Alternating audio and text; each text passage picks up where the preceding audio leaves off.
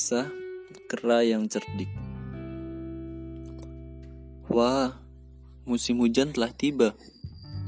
Para kera yang tinggal di lereng gunung menjadi bimbang mencari tempat lain yang lebih aman, atau mengungsi di rumah warga kampung di bawah lereng. Mereka tahu nih kalau tanah di lereng gunung yang telah gundul dan kera-kera cerdik itu merasa sebentar lagi tanah akan longsor karena hujan. Bagaimana nih? Apa yang sebaiknya kita lakukan ya? Kita harus mencari akal supaya bisa tetap selamat. Begini saja, kita perlu melihat strategi dan menyampaikan pada anak-anak supaya saat bertemu musuh di jalan mereka tahu apa yang harus dilakukan. Nah, di hutan dalam lereng gunung tempat tinggal kera-kera itu, hiduplah seekor ular piton yang sangat besar. Ular piton itu adalah pemangsa yang sangat hebat. Ia membuat sarang di bekas pohon yang sudah ditebang. Ular piton itu hidup menyendiri, sepi, dan menunggu sesuatu untuk dimangsa. Saat lapar, ular piton yang berwarna coklat motif batik itu keluar dari sarangnya. Mendung, mulai gerimis. Asik. Sebentar lagi hujan pasti lebat. Aku suka sekali saatnya makan karena pasti banyak sekali yang bisa kumangsa. Hahaha. Ular itu tahu kalau setiap hujan turun, binatang-binatang penghuni hutan di lereng gunung hanya bisa berteduh. Kadang-kadang mereka di bawah pohon, kadang-kadang mereka di goa-goa tempat persembunyian mereka. Tidak banyak yang bisa mereka lakukan selain berteduh dan menunggu hujan reda. Si piton segera melatah, mengendus aroma daging calon mangsanya. Lidahnya menjulur-julur sambil melihat dengan tatapan yang tajam. Saat berjalan santai di bawah hujan, si piton pun melihat seekor kera mungil yang sedang berteduh di bawah pohon aren. Dan kera itu menggigil kedinginan dan kesakitan. Ini dia santapan pertamaku.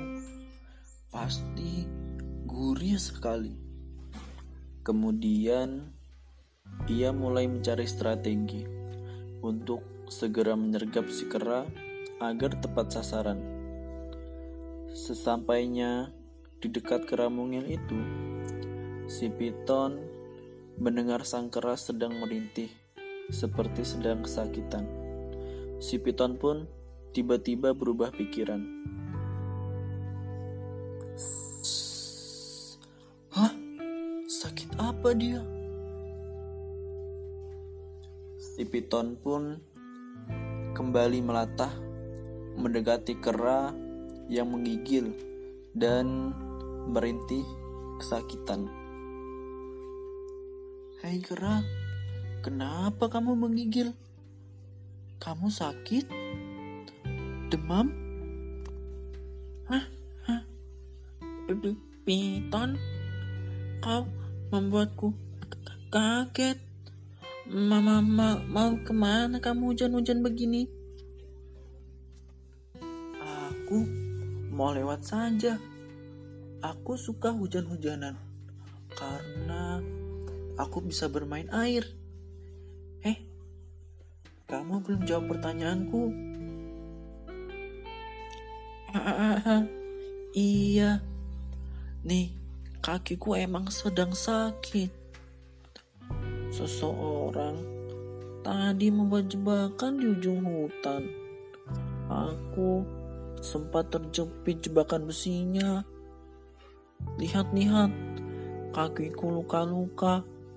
Untuk aku bisa melepaskan diri. Hehehe. Oh, lukamu lumayan parah ya. Darah masih mengucur. Kalau kamu tak bersihkan, bisa-bisa kakimu membusuk loh. Benar juga ya. Aduh, pasti banyak kuman nih. Aku aja sekarang udah merasa ada kuman-kuman yang menjalar di tubuhku. Aduh, jangan-jangan sebentar lagi aku mati membusuk. Hmm. Bagaimana ini Piton? Aha, atau kamu makan aku saja ya? Ayo cepat-cepat makan aku. Piton menjadi bimbang.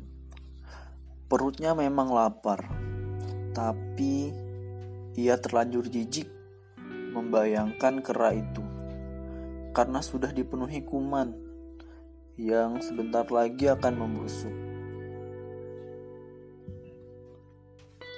Ah, tidak, tidak. Aku tidak tega. Kamu sedang teraniaya. Tak boleh memangsa lawan yang sedang teraniaya. Padahal dalam hatinya Piton takut kalau kuman dalam kera itu akan berpindah ke dalam tubuhnya.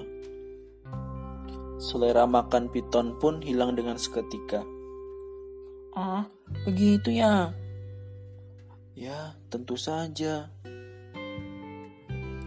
Oh, baiklah. Kalau begitu, aku pergi dulu ya. Aku mau cari air di sungai itu tuh untuk membersihkan luka-lukaku. Boleh aku pamit, Piton? Baiklah, kau tenang saja kawan. Lain kali aku tak akan memburumu.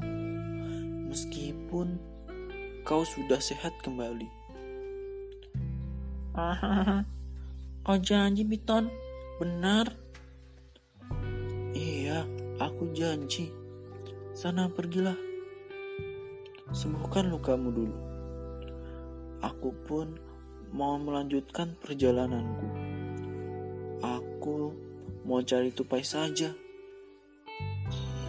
Sebenarnya aku sedang lapar sekali. Hmm, baiklah, selamat berburu kawan. Semoga kamu mendapatkan tupai yang gemuk.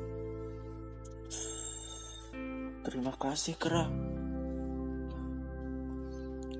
Ular piton itu melatah terlebih dahulu, meninggalkan kera mungil yang banyak akal. Si kera kini terbengong-bengong. Dalam hati, ia tertawa. Kok gampang banget ya menyelamatkan diri dari ancaman ular.